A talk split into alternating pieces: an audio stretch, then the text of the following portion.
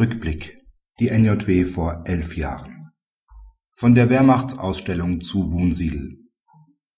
Kann eine Äußerung ganz gezielt deshalb unterbunden werden, weil sie einen unerwünschten Inhalt hat?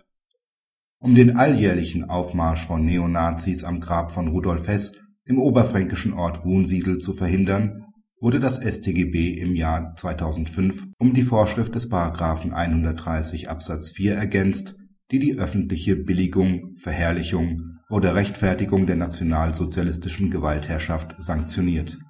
Die Verfassungsbeschwerde, mit der sich der Beschwerdeführer gegen die Bestätigung eines versammlungsrechtlichen Verbots durch das Bundesverwaltungsgericht wandte, wurde vom Bundesverfassungsgericht zurückgewiesen (NJW 2010, Seite 47). Mit eben diesem sogenannten Wunsiedel-Beschluss setzt sich Volkmann in seinem Beitrag Die Geistesfreiheit und der Ungeist (NJW 2010, Seite 417) in diesem Heft auseinander.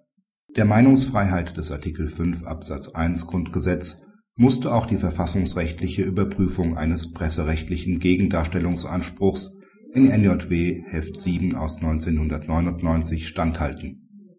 Stein des Anstoßes war ein Artikel im Nachrichtenmagazin Focus mit dem Titel Wehrmachtsausstellung – Verfälschtes Bild ausgetauscht.